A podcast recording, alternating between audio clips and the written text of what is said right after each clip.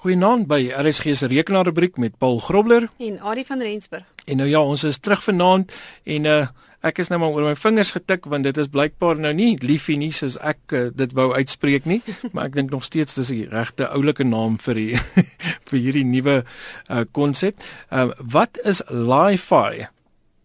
Ek dink Liefie klink beter. Maar Li-Fi, wat is Li-Fi? Li-Fi staan vir Light Fidelity en uh, dis 'n kabellose optiese netwerk uh, wat LED's, so jou light emitting diodes gebruik vir data transmissie. Kan jy dit glo? Hmm. Met lig.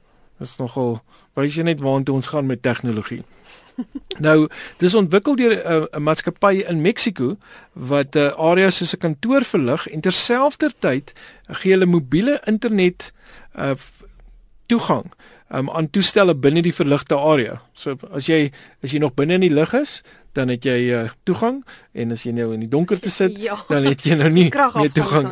So as jou lig begin flits, dan neem ek nou maar in gaan jy aan af toegang hê. Um, nou Li-Fi LED gloeilampe het dan nou 'n skyfie of 'n chip wat uh, die lig moduleer vir data transmissie en die data word dan gestuur deur die LED gloeilamp en dit word ontvang deur 'n uh, foto reseptore. So daar's dan 'n nou verskillende fotoreseptore natuurlik ook. Die eerste Li-Fi model uh, was net in staat om sowat 150 megabits per sekonde te stuur, maar navorsers het dit al tot 10 gigabits per sekonde verbeter. Dis nogal massief, né? Dit beteken dat 'n hele harde skyf. Oh, harde skyf hoor net vir my. 'n Hoë definisie film in so min as 45 sekondes afgelaai sal kan word. Dis vinnig. Ek kan dit nie so vinnig kyk nie. nee, ek dink jy moet fos kyk. Hierdie is hierdie is so vinnig soos die spoed van lig. Ehm um, nou ja, so 45 sekondes vir 'n hoë def, hoë definisie film wat jy mens kan aflaai. Nou, die Li-Fi toestel ehm um, stuur die data via flikkerende lig uh, waarvan die uh, spoed nie deur die menslike oog gesien kan word nie. Ek wil ons het nou al 'n paar keer daai toetse gedoen en jy kan in die ehm um, mm. vir ons lyk dit of die lig aan is, maar eintlik flikker hy maar nog steeds. Ehm um, jy moet dit baie die spoed mos maar redelik afbring as ek dit nie mis het nie mm. met 'n kamera of iets om dan nou regtig daai verskil te kan, kan sien. sien ja. Nou Li-Fi is 'n onderafdeling van Visible Light Communication of VLC wat aanvullend tot die Wi-Fi gebruik kan word as 'n vervanger ehm um, daarvan ehm um, Ja, ek dink jy kan hom of jy kan hom of heeltemal Wi-Fi heeltemal vervang daarmee of jy kan hom net ekstra bysit. Okay. Ja. En ehm um, en natuurlik uh, dit gee mens natuurlik ook 'n hoër spoed as Wi-Fi. Die waarneembare legspektrum is ook 10000 keer groter as die frekwensie-spektrum van radio wat beteken die kans dat daar hulle noem dit nou mos 'n collision 'n mm. ongeluk in die lug kan wees is nou maar skraler omdat daar so groot spektrum is. So daar's letterlik baie meer paaie natuurlik wat jy kan vat. Mm. Uh die dit is natuurlik meer veilig omdat uh dit nie onderskep kan word sonder 'n duidelike hulle noem dit nou maar line of sight nie. So jy moet dit kan sien. Uh dit word nie geaffekteer deur radiosterings of naby geleë netwerksterings nie. So dis natuurlik ook baie positief. Ja, en uh, elektromagnetiese sterings het geen invloed daarop nie omdat dit lig is. Behalwe as jy die lig blaas. nou ja, dit kan ook nie sterings in sensitiewe elektroniese apparaat veroorsaak nie, ehm um, wat dit natuurlik ideaal maak om te gebruik in plekke soos byvoorbeeld vliegtye en hospitale. Hmm. En dis ook nie moontlik om die sein te tap en die data te onderskep soos in ander media byvoorbeeld nie. En uh, Li-Fi het feitelik geen beperkings rakende kapasiteit nie en is sowat 10 keer goedkoper as Wi-Fi. Dit uh, hmm. klink vir my positief.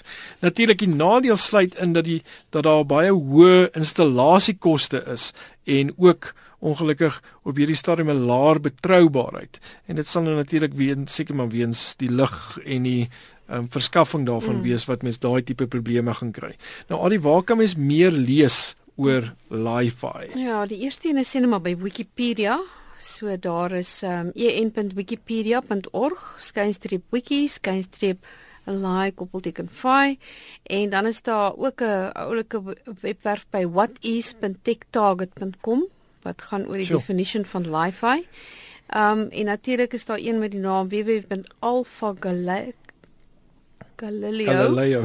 Ja, .org en um en natuurlik gizmag.com het ook uh, het ook maar dit party van hierdie is bietjie lang webskakels. Ja, baie van hulle kan redelik lank raak. So net om dit makliker te maak vir jou, gaan sommer na ons webwerf toe daar by rsg.co.za en kyk daar onder Chala tyd by die RSG rekenaar rubriek en daar sal jy hierdie inligting kry, die skakels kry en natuurlik ook van ons vorige programme se inligting. So uh, jy kan maklik jouself uh, daarvan bewus maak en natuurlik kan jy ook uh, die vir ons 'n e-pos stuur as jy dalk uh, meer weet oor Li-Fi, dalk het jy dit al ergens raak gesien. Ek dink nie dis waar was jy in Mexiko was.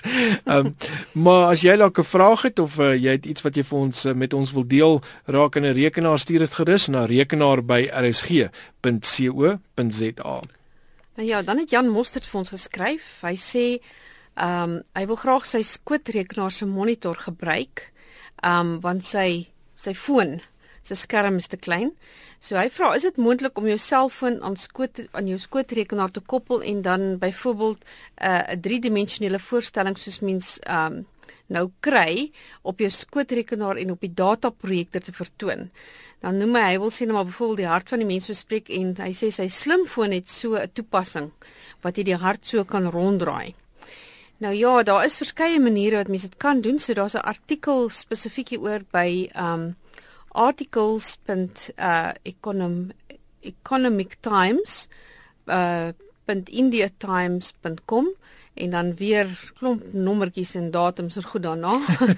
so um ek gebruik sommer die programmetjie BlueStacks op my skootrekenaar. Hmm. Dit is 'n um, bekende, dis 'n redelike bekende ja, naam, né? Ja, daarmee kan jy enige Android apps op jou skootrekenaar gebruik. Met ander woorde, jy, jy installeer BlueStacks en dan natuurlik is BlueStacks geskryf vir Windows rekenaars uiteraard. Uh -huh. En dan ehm um, kan jy enige enige Android toepassing kan jy gaan basies gaan oopmaak op BlueStacks en dan werk hy so. Nou ja, so daaroor het jy dit en as jy natuurlik meer hieroor ook wil lees uh, of meer wil uitvind, kyk gerus by ons webwerf by rsg.co.za en uh, daar kan jy natuurlik net gaan uh, na die rekenaar RSG rekenaar rubriek onder Chala tyd waar jy al hierdie inligting kan kry. Nou uh, ek dink baie mense wonder baie keer hoe hulle hulle produkkode kan terugkry as dit dalk verlore raak. Is daar 'n ja, wenk vir hulle? Weer 'n keer, dis 'n papiertjie of wat ook al waarop die kode dalk verskyn en dit raak dalk maar verlore met tyd saam. Ehm um, so hierdie produkkode, jy moet verkieslik hierdie produkkode probeer in die hande kry voordat jy die harde skyf moet formateer. Ehm um, mens kan 'n programmetjie met die naam Belark ehm um, gaan hardloop om dit te kan kry.